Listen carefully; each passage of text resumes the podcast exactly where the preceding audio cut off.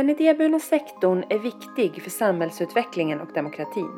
I denna podcast möter vi olika personer som kan ge dig nya perspektiv och kunskap om samhället. Välkommen till dagens avsnitt med mig Rebecka Hagman, kommunikatör på Skyddsvärnet. I dagens avsnitt ska vi prata om barn och barns rättigheter tillsammans med Olle Palin Cox från BRIS. Med oss har vi också Kristine Dahl Elfer som är enhetschef för Skyddsvärnets familjehemsvård. Hej Olle! Hej hallå! Hej Kristine! Hej ni två! Ja, Olle, hur mår du? Jag mår bra, tack. Jag mår Mm. fint. Hur brukar du presentera dig för någon som inte känner dig? Jag presenterer mig nog oftare och oftare med att jag är pappa till två barn. Att jag är gift med Maria. Att, eh, ja, det, det är liksom utgångspunkten. Och sen så vad jag jobbar med. Att jag jobbar inom en del sektor och att det är typ jag har gjort egentligen hela tiden. Och att jag nu jobbar på BRIS. Mm. Att jag gillar att träna, att jag gillar att spela dataspel, eh, att jag har någon sorts nördådra som riktar sig åt lite olika håll. Liksom. Men, eh, eh, ja, men något sånt Mm. skulle jag säga. Och du jobbar ju som regionombud på BRIS alltså. Vad gör man då? Då är en ganska stor del av tjänsten är administrativ, alltså jag söker en del medel från kommuner och regioner. Eh, I min region då, BRIS består av fem regioner och jag tillhör region Mitt. Eh, jag jobbar med vår medlemsorganisation, eh, alltså en del av våra medlemmar och sen också inför medlemsmöten och kongress och sådär som vi har som, som, som medlemsorganisation. Jag jobbar med något som heter BRIS nätverk som vi startade 2016 eh, som är mötesplatsen för barnens rättigheter med den nätverksträffen som är då här i mitt, Region Mitt. Eh, och sen så gör jag en del eh, utbildningar och eh, sånt också för att jag har jobbat med det tidigare och för att det ingår delvis i tjänsten. Är det ett givande arbete? Absolut. Jag har lärt mig väldigt mycket om framförallt barnrätt skulle jag säga. Jag har jobbat med barnrätt förut men nu har det liksom blivit mer konkret. Så Vad är barnrätt och vad innebär det och vad är barnets rättigheter och vad innebär att jobba barnrättsbaserat och sådär. Alla som jobbar på BRIS är enormt kompetenta och det är ju väldigt givande eh, att få vara med dem. Eh, Att här, äta lunch med kloka, smarta, eh, begåvade människor är ju alltid lärorikt. Eh, och jag är stolt över att jobba på BRIS. Jag tycker att vi har en väldigt bra verksamhet. Eh, vi har superduktiga kuratorer som är väldigt, väldigt bra på att möta barn och unga utifrån barns och ungas behov. Så att, eh, Mm. Men du, vad har du arbetat med innan då? Ja. Jag jobbade på Brottsofferjouren innan BRIS i två år, eller ett och ett halvt år. Eh, och jobbade med stöd på förbundskansliet då med hur Brottsofferjourens lokala jourer ska ge stöd till barn, och unga. Ehm, så, och, och det var, jag hade, den tjänsten var väl i princip ny, det var ingen som hade haft den innan mig. Så det var väldigt mycket ett uppstartsjobb. Och för mig var det ju enormt lärorikt för att jag, jag har haft förmånen att inte ha med rättsväsendet att göra. Ehm, och då förstå hela rättsväsendet mer i så här, hur funkar det egentligen? Eh, och också vikten av så här brottsofferstöd och vittnesstöd och allt sådär. Det var ju super, ja, vi har verkligen nytta av det fortfarande. Mm. Mm. Jättemycket. Och innan det jobbade jag på, i åtta år på, på Friends som jobbar mot mobbning och kränkningar i skolan. Och när jag jobbade så länge så hann jag göra ganska mycket olika saker. Men jag började som utbildare så jag var ute på väldigt mycket skolor och träffade elever och skolpersonal och, och vårdnadshavare. Eh, och sen jobbade jag med trygghet på nätet som projektledare ett par år och så jobbade jag med digitala grejer ett par år och så här. Och innan det på skola och innan det pluggade jag. Så att jag har jobbat liksom kan man säga med barn och unga eh, och den här ideella sektorn hela tiden. Väldigt länge. Ja, fast på lite Mm. olika ställen då liksom. Lite olika perspektiv. Men vad är det som driver dig i ditt arbete? Jag förstår att det är många saker, men Mm. kan du nämna några? En del, den här ideella delen, den här liksom passionen, måste säga, den, där handl, för mig handlar det mycket om de mest utsatta barnen. Alltså de som inte har de här andra skyddsmekanismerna. Vårdnadshavare eller föräldrar som inte funkar i skolan, som, som eh, kanske har det tufft socialt. em, som kanske tidigt hamnar i någon form av liksom utanförskap, man, liksom, man, man stämplas av, de, av liksom vuxna i skolan och man liksom, ja men Mm. sådär. Ehm, och för de barnen som inte har någonting annat så måste det, vi, vi måste erbjuda någonting mer. Så vi kan ju inte bara släppa och ge upp liksom.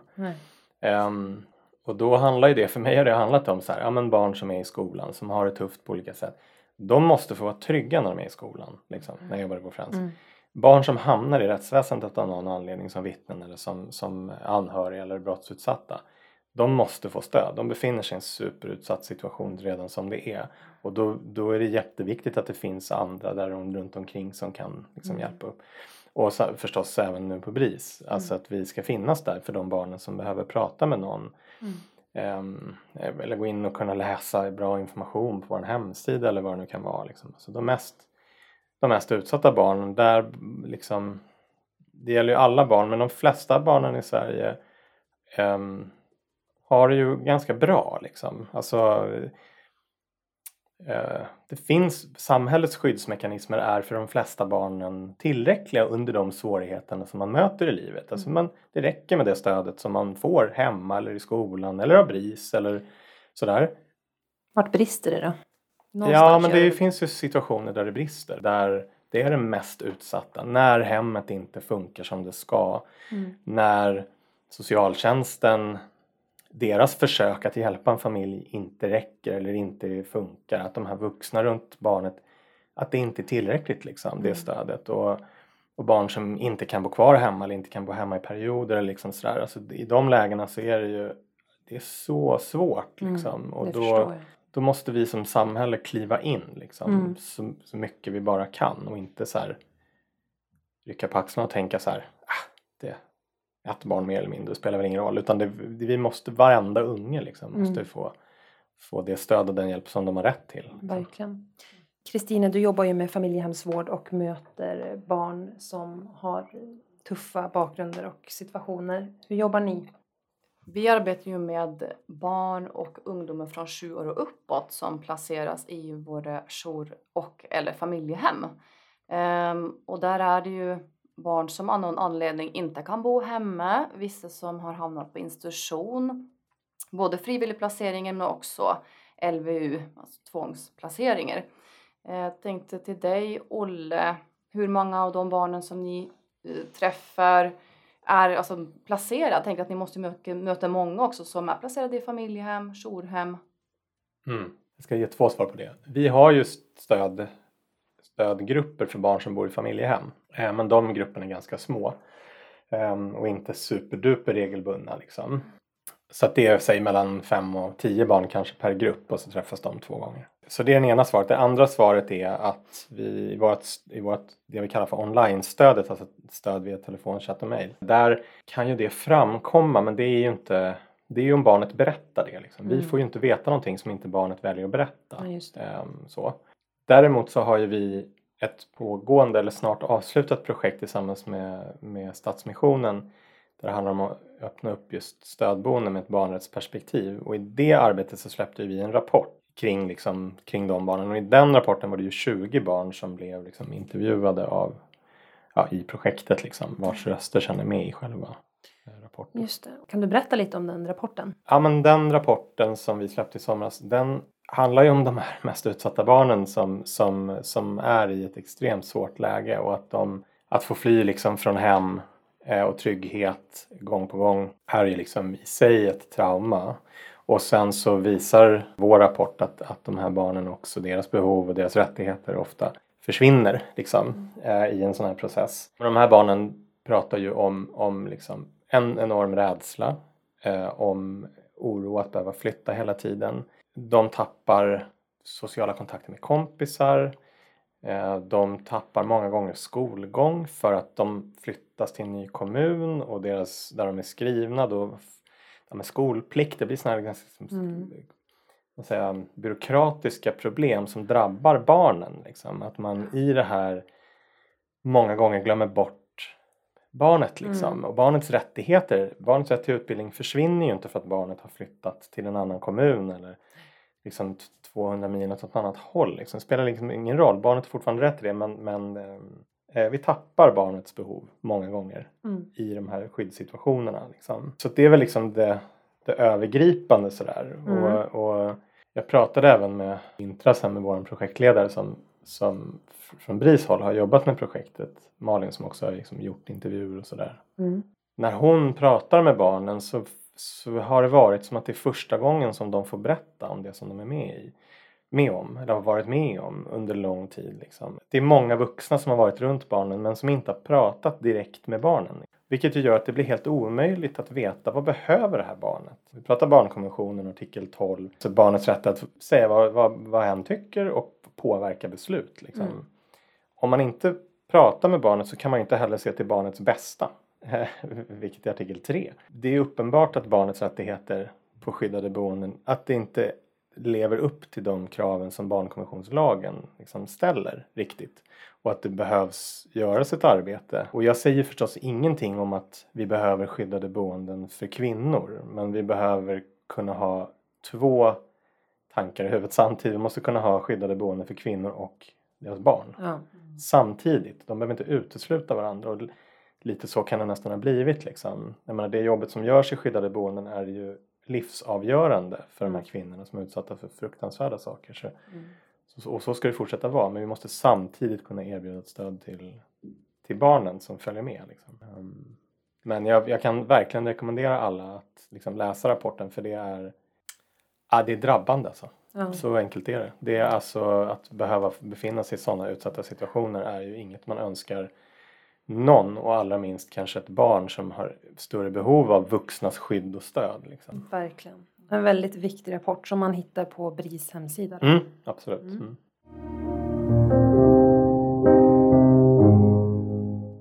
Du var inne på det här lite tidigare men om man kan svara generellt. Hur mår barn i Sverige idag?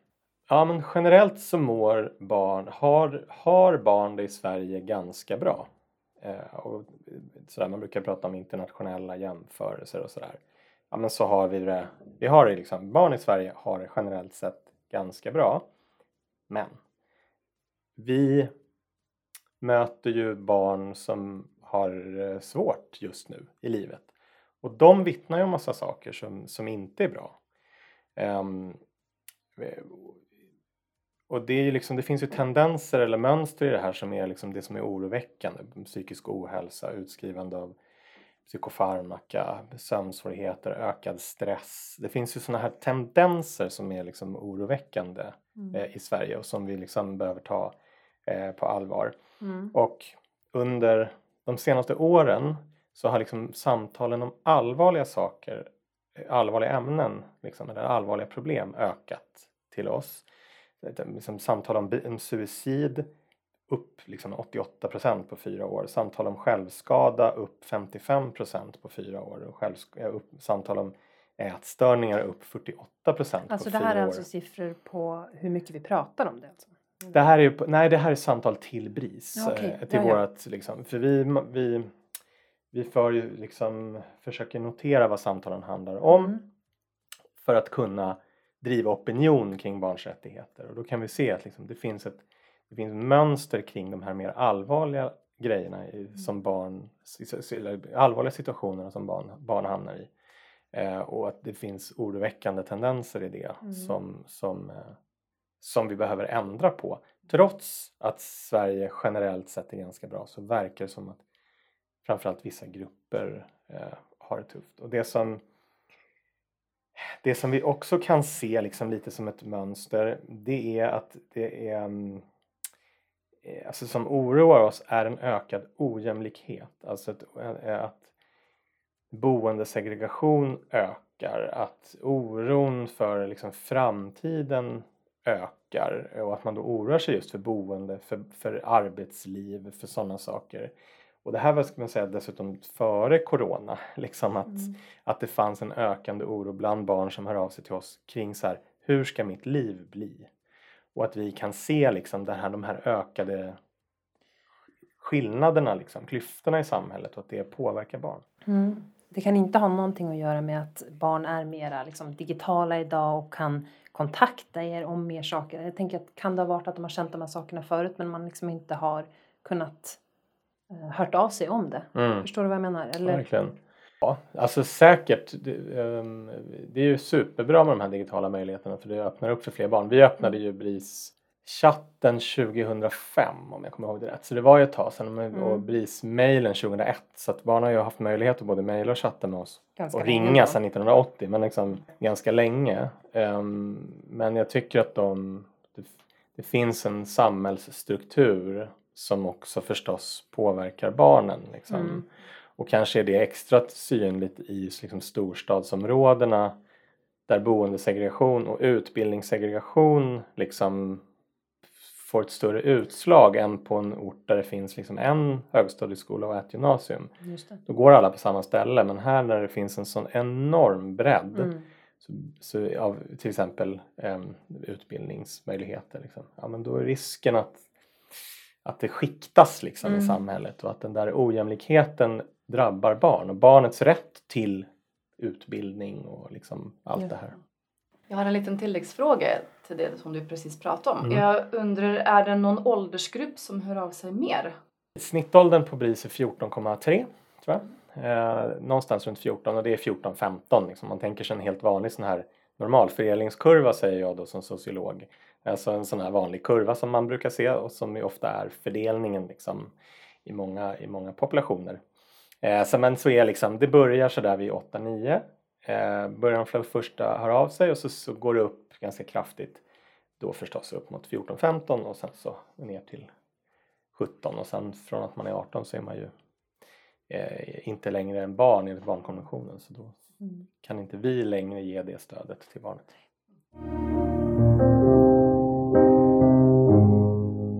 Jag tänkte gå in lite mer på barnkonventionen som blev lag den 1 januari Mm. 2020. Kan du beskriva lite kortfattat eh, vad barn, barnkonventionen är och syftet? Syftet med barnkonventionen är att ge barn tillgång till egna mänskliga rättigheter och alla de rättigheterna som finns i konventionen. Konventionen består av 52 artiklar varav 41 är det man kallar för sakartiklar, alltså innehåller var och en rätt, en rättighet. De övriga artiklarna handlar mer om så hur staten ska jobba med att förverkliga konventionen eh, Mm. i, eh, i Sverige. Ja, väldigt kort så är det det det är. Och sen så pratar man om grundprinciperna. Det är fyra artiklar, artikel 2, 3, 6 och 12. Som är, man brukar likna det vid såna här glasögon man ska på. Så att när man jobbar med de andra artiklarna så ska man hela tiden ta med artikel 2, 3, 6 och 12. 2 är alltså icke-diskrimineringsartikeln. 3 är barnets bästa, alltså att vuxna ska se till barnets bästa. Artikel 6 handlar om rätten till liv och utveckling. Och artikel 12 om rätten att få delaktighet och vara med och påverka. Eh, så att om man tänker då rätten till utbildning till exempel, som är artikel 28. Då ska man när man jobbar med den som kommun eller som huvudman eller som rektor. Så här, Mm. Ja men nu ska vi, nu ska vi liksom se över vår verksamhet. Så här, ja men erbjuder vi en skola, en utbildning för alla barn, alltså artikel 2. Ehm, och den utbildningen vi erbjuder, är den för barnets bästa eller finns det andra sätt som vi ska göra på, som artikel 3. Eh, artikel 6 då, är våran skola liksom trygg och säker för eleverna som är här? Artikel 6. Och artikel 12. Vad säger barnen själva om utbildningen? Ska vi göra på något annat sätt? Eller så här, och så lyssna på, på barnen och påverkas av det som barnen berättar. Så att man ska liksom hela tiden använda de här fyra grundprinciperna för att förstå de andra artiklarna i konventionen. Mm. Men det känns som det är väldigt komplext. Förstår du vad jag menar? Att det är väldigt hur, hur, hur det ska följas konkret. Skulle jag känna var svårt. Hur man liksom mäter det och hur, hur man gör. Ja, verkligen. Jag träffade, jag, när jag utbildade om barnkonventionen, om det var för något år sedan, så, träffade, så var det med två personer som sa mot slutet av utbildningen, frågade de inte det var här på skyddsvärnet, som Mm. sa så här nu är det tredje gången jag får utbildning om barnkonventionen och för varje gång jag får en utbildning så blir det bara svårare och svårare. och det är, jag förstår det. Mm. För det är, egentligen kan man ju se det som att det är 41 artiklar, som är sakartiklar. Men du ska tolka de här artiklarna ur de här fyra. Liksom. Så det, är absolut svårt Mm. och komplicerat. Men vi brukar, för att man ska liksom skala av allt det här. Liksom, och hur blir det och hur ska vi säga. Det vi brukar säga att göra liksom en enkel barnrättsprövning. Mm. Att varje gång man fattar i en verksamhet, fattar ett beslut om ett barn. Så ska man liksom göra gör en snabb två minuters analys utifrån de här fyra grundprinciperna. Ja, vi ska, om vi tar skolexemplet igen, vi ska bygga en lekplats. Ja, Eh, kan alla barn leka på den här lekplatsen? Behöver vi förändra någonting? Ja, vi har ju liksom synskadade elever som kommer, ja då kanske vi måste sätta något rep här så att de också har möjlighet att hitta fram eller hitta runt på den här klätterställningen. Um, och är den här klätterställningen för alla barns bästa? Uh, eller inte? Mm. Um, är den här, och så liv och utveckling, artikel 6. Är den här trygg? Det, behöver vi ha något annat material under ifall de ramlar ner, eh, barnen? Eller liksom, är det här taket för högt? Går det att klättra upp det här taket? Är det för högt? Är det för, ja, sådär. Um, artikel 12, vad tycker barnen själva om vilken klätterställning? Här har vi tre alternativ. Om de får med och påverka vilket av alternativen väljer de? Okej, okay. ja, nu har vi gjort en liten kort barnrättsprövning. Liksom. Har man gjort de här grejerna då har man gjort eh, mer än vad 99% av vuxna som fattar beslut om barn gör. För de flesta gör inte de här sakerna. Nej. Så att, att bara få in det här tänket, att göra en liten barnrättsprövning. Sen kanske beslutet ändå blir samma okej, okay, ja de vill ha den här A-klätterställningen men det visar sig nu att vi har inte råd eller den blir för stor eller okej. Okay. Om man då bara återkopplar till barnet och förklarar det. Vi trodde att vi skulle kunna, men den här som ni röstade på, vi har inte råd. Nej. Eller den får inte plats. Eller den blev otrygg. Vi tror att den här blir otrygg liksom. Mm. Så är vår erfarenhet att barnen köper det. Mm. Och då har man involverat dem. Och då har man involverat dem och man har gjort en lätt liten, en snabb liten barnkonsekvens mm. eller barnrättsprövning liksom. Så att ja, det är svårt. Mm. Man kan också välja liksom den enkla vägen. Artikel 2, 3, 6 och 12. Gör en, bara en kort liten analys eh, och sen liksom Bra, fatta något beslut tips. efter det. Mm. Men du, det har ju nyligen kommit kritik kring att barnkonventionen som lag saknar tydliga resurser för hur den kan tillämpas i praktiken och att det inte finns några tydliga riktlinjer för hur till exempel socialtjänsten eller andra myndigheter ska använda den rent praktiskt. Är det en befogad kritik tycker du? Det vi, vill, det vi tänker är så här, det här är första året av barnkonvention där vi har en barnkonventionslag på plats. Vi har mm. inte ens varit inne i det ett år. Så ett svar på den frågan är att vi inte riktigt vet för vi är så tidigt i det. Men för ett år sedan så gjorde vi eh, en enkät till Sveriges kommuner. Eh, alla kommuner, alla svarade inte men ganska många svarade och frågade dem då inför att barnkonventionen skulle bli lag. Är ni redo nu då? Har ni liksom resurser och så avsatta för att, um, för att det här ska bli bra? Och då var det typ 45 procent som hade resurser avsatta och som var förberedda. Nej förlåt, 55 procent hade resurser men 45 procent saknade helt en, en strategi för att implementera barnkonventionen. De kommuner som hade satsat på det, liksom kompetensutvecklat eh, personal, så här, men bara en av tio kommuner liksom berättade att de hade liksom avsatt resurser för det här. Och med, med det liksom som grund så kan man väl säga att ja, men då är ju, där är vi ju inte där vi ska vara. Liksom. Mm. Den kritiken är ju i sådana fall liksom, befogad utifrån det perspektivet att kommunerna i alla fall för ett år sedan inte eh, var redo. Mm. Sen hoppas vi kunna göra en sån här enkät igen för att se okej, okay, men vad har hänt då nu när det har gått ett år? Mm. Um, jag vet att i Stockholms stad till exempel så har ju, har ju socialtjänsten, ska ju socialtjänsten och tror jag många gånger också gör sådana här barnkonsekvensanalyser i alla beslut som rör barn. Och det är ju jättebra. Det är ett resultat av barnkonventionslagen. Mm. Det görs en jättestor utredning eftersom att barnkonventionslagen transformeras in i befintlig lagstiftning. Liksom, så görs det en stor utredning här, där man går igenom lag för lag i våran lagbok mm. och ser hur påverkas den här lagen av barnkonventionens 41 sakartiklar plus de här implementeringsartiklarna. Och så gör man det och de, den, de skulle ha presenterat den för ett år sedan men de gör det nu och den, den utredningen ska ju komma snart. Det blir spännande att se vad leder den fram till. Nu kom ju den här, alltså de håller ju på att utreda framtidens socialtjänst och den nu har det förslaget kommit och ska ut på remiss och i det förslaget så är det synligt att man har i uppdrag att barnkonventionen ska in i framtidens socialtjänst mycket tydligare. Så det finns ju liksom saker som händer och vi sa vi ju redan innan tillsammans med många andra att det kommer liksom inte som i ett trollslag första januari 2020 allt har hänt liksom. Men jag kan ju se bara på de här liksom nio och en halv, tio månaderna snart att så här, saker har hänt verkligen liksom. Jag pratar mer om barnkonventionen. Det hade jag kanske inte gjort för mm. två år sedan för då hade vi inte den som lag. Eller det var, ja, det varit precis beslutat i och för sig men det var ganska mm. långt kvar. Mm. Socialtjänsten i Stockholms stad gör barnkonsekvensanalyser. Det, hade, det gjorde de troligtvis inte för tre år sedan.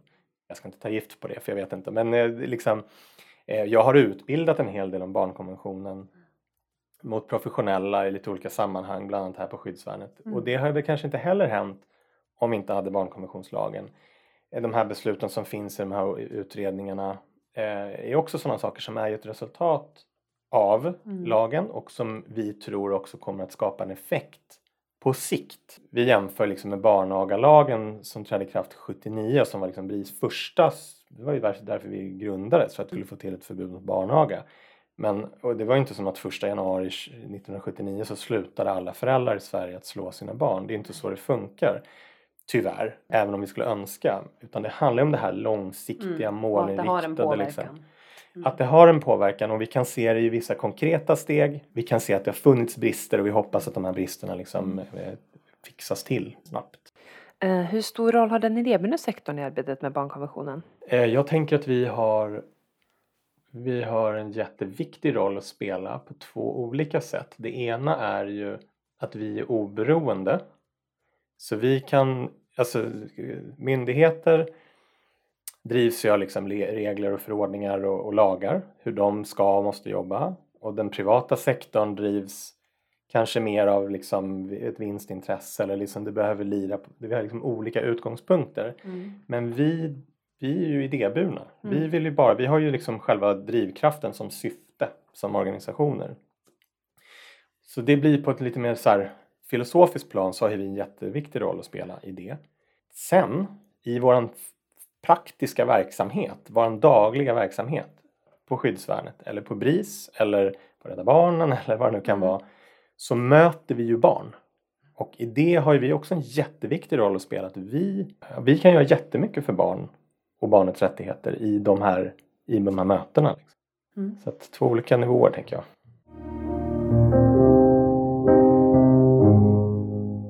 En eh, väldigt viktig sak är ju att barn i Sverige ska känna till sina rättigheter. Och hur ser man till att de får veta vad är min rättighet som barn? Hur jobbar ni på BRIS för att informera barn om barnkonventionen? En, Ja men vi gör lite olika saker. Dels så är jag, jag som regionombud med mina volontärer här och de andra regionombuden i våra andra regioner ute med sina volontärer och informerar på skolor, på idrottsklubbar, eh, på en scoutföreningar. Liksom så här, det här är era rättigheter, det här har ni rätt till. Det är väldigt konkret. Vi i våra, samt, i våra stödsamtal hjälper ju våra kuratorer att få fatt på när ett barns rättighet har kränkts och att kunna berätta för ett barn att du vet att du har rätt till det här och det här. Va? Det är en viktig del. Och sen är vårt påverkansarbete jätteviktigt. Och det handlar ju om eh, både att ta barnets berättelse till oss, formulera det i en rapport och få ut det och skapa opinion kring barnets rättigheter. Eh, men det handlar också om att i så mötet med politiker och med beslutsfattare gång på gång på gång liksom påminna om det här är barnets rättigheter och det här, på det här sättet måste ni följa måste ni ändra det här beslutet eller vi tycker att ni ska fatta det här beslutet för att det går i linje med barnets rättigheter och det som ni har föreslagit gör inte det till Mm. exempel. Mm.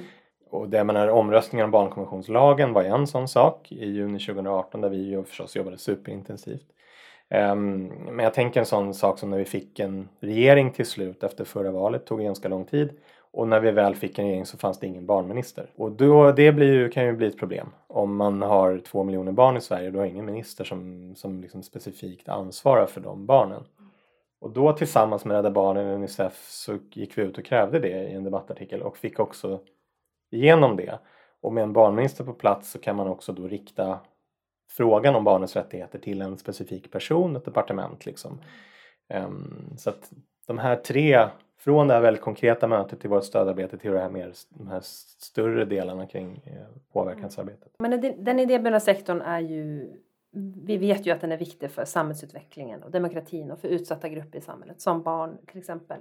Ändå är den idéburna sektorn relativt liten i Sverige om man jämför med många andra länder. Vad tänker du om den idéburna sektorn och vikten av oss som aktörer? Vi har ju förmånen att kunna jobba för att vakta människors rättigheter. Bara. Liksom. Mm. Om det är det vi väljer. Om vi väljer att starta en ideell organisation med det syftet. Liksom. Eh, vi, valde, vi startade som organisation som en organisation för att få stopp på våld mot barn. Det var det valet som, som två personer fattade, liksom, det beslutet som man fattade. Eh, och det är, ju, eh, det är ju fantastiskt att vi kan göra så, att vi har den möjligheten och det är en otroligt viktig roll att fylla, att ha intresseorganisationer, snedstreck ideella organisationer som har sina nischer som kan jobba med det, liksom, att sakta men säkert liksom flytta fram positionerna. Mm. Eh, vi pratade om barnkonventionslagen nu så saker vi redan nu kan se händer tack vare lagen. Det är ju till stor del tack vare en massa ideella organisationer som har, eller ideella sektorn, som har drivit den här frågan mm. väldigt länge och målinriktat. Att vi borde likt Norge ha barnkonventionen som lag. Liksom. I Norge har det blivit så här bra. Vi borde göra samma sak här. Det är en självklarhet. Och att jobba med det liksom. Om vi inte hade, om den ideella sektorn inte hade funnits, vem skulle då ha drivit den frågan? Det kan göras av staten liksom regering och riksdag men det kan också inte göras av regering och riksdag. Det kan göras av privata företag men troligtvis liksom inte. Um, så att vi, det, jag tänker att det är en viktig motor i mm, att driva... Just att det inte är vinstdrivet utan Precis. Alltså vi drivs av andra saker än vinst mm. liksom. och det är, det är ju en eh, himla lyx eh, att vi får jobba med, med det som drivkraft snarare än kvartalsrapporter eller att svara upp mot väljare eller vad det nu kan vara. Liksom. Vi har olika logik, så kan man väl säga. Vi privat sektor och, och liksom politiker och det mm. offentliga.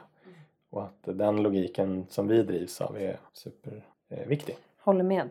Om jag lyssnar på det här nu och känner att jag vill kunna bidra och stötta eh, och hjälpa barn som har det svårt. Alltså vad kan jag som privatperson göra för att bidra till barns rättigheter? Jag tänker så här att som vuxen så kan du alltid själv skaffa egen kunskap om rättigheter och barnkonventionen är ett bra sätt att börja. Ehm, det är fördelen, vi pratade förut om att barnkonventionen är krånglig och omfattande och att det inte är helt lätt. Fördelen med barnkonventionen är att det finns ett facit. De här 41 artiklarna, så ska det vara. Eh, jag menar, har du ett barn, ditt eget barn som har det tufft i skolan så kan du titta på skollagen och diskrimineringslagen förstås. Men du kan också titta så här, okej, okay, barnet, mitt barn har alltså rätt till att de vuxna i skolan tänker på vad som är bäst för mitt barn. Att mitt barn ska få komma till tals. Att mitt barn har rätt till lek, vila och fritid på skolan. Att mitt barn har rätt till integritet. Så här, allt de här, alla de här artiklarna finns i konventionen. Mm. Så det är ju bara titta på, ta konventionen och läs den som ett facit. Liksom. Mm. Um, en annan sak. Vuxna har en förmåga att när man hamnar i konflikt med andra vuxna men där konflikten kanske handlar om ett barn. Mm. Typ exempel vårdens havares skola. Typ, så, här, så försvinner barnets rättigheter i det här och vuxna tenderar att hamna i sitt eget huvud och bara känner sig ledsna och upprivna med all rätt därför mm. att deras barn är utsatta för saker. Men vad behöver, vad är barnets rätt i den här situationen? Man kan prata om, man pratar om mobbning och kränkning i skolan så här, att den som är utsatt och den som utsätter och man hamnar lätt i liksom, att den här som utsätter bara är någon, liksom, någon ond, något ont barn som gör något. Men mm. det här, alla barnen i en sån här situation har rättigheter. Alla barnen har rätt till trygghet, har rätt att gå i skolan, har rätt att bli lyssnade på, har rätt till så här, och att fokusera på det. Att utgå, mm. ta, återigen, ta barnkonventionen. Om du hör dig själv fastna i så här, jag är arg på rektorn för att rektorn inte gör sitt jobb tycker jag. Det kanske är rimligt. Men vad har mitt barn för rättigheter? Och utgå från det i samtalet med en rektor eller vad det nu kan vara. Fokusera då på eh, att hjälpa barnet att få tillgång till sina rättigheter. Det är det som du som vuxen kan göra. Som förälder så är det ju en grej. Men du, som, det handlar ju också om när du jobbar i skolan eller inom socialtjänsten eller vad det nu kan vara. Så här, vad är barnets rätt? Liksom? Och så utgå från det i sina beslut eller i sina åtgärder eller vad det nu kan vara. Liksom. Mm. Bra tips, mm. verkligen. Om man är barn och vill vända sig till BRIS av någon anledning, var hittar man er? Via BRIS.se så hittar man allting. Man behöver skapa ett BRIS-konto på BRIS.se om man vill chatta eller mejla. Eller så kan man ringa på 116 111. Vi har öppet måndag till eh, söndag 9 till 12 på dagarna och 2 till 9 på eftermiddagen och kvällen i telefon, chatt och mejl. Så att man kan alltid vända sig till oss och där jobbar våra kuratorer som är superkompetenta, jättevana vid att jobba med, prata med barn och eh, ge barn tips och råd och hjälp och stöd och lyssnande och hopp för att liksom vända en svår situation i livet. Eller Mm få prata om det. Bra. Men du, en fråga som vi ställer till alla gäster är, kan du dela med dig av någonting som inte, du tror att inte många vet om dig? Du, du berättade lite grejer i början där, men Mm. har du något specifikt? Ja men precis, jag, har, jag fyllde 40 här för ett halvår sedan så jag har någon sorts pågående 40-årskris och i den så har jag ju då eh, börjat tatuera mig. Eh, och då kan jag ju förmedla då att jag har några tatueringar här, det ser inte ni som lyssnar men det är mina barns initialer, lite så här, med första bokstäver på deras namn. Tack så. Och tyngdlyftarstång. Men sen så ska jag också då, eh, jag är ju tv-spels, eh, dataspelsnörd liksom. Så att eh, jag har ju någon form av handkontroll eller kanske en joystick eller någonting som är, som, som är på listan och som kanske blir liksom nästa eh, tatueringsvända. Mm. Det är inte jättemånga som vet. Nej, Förrän nu. Förrän nu. Förrän nu. Men då vill jag säga tack så mycket för att du kom hit och delade med dig av din kunskap. Tack själva. Ha det så bra!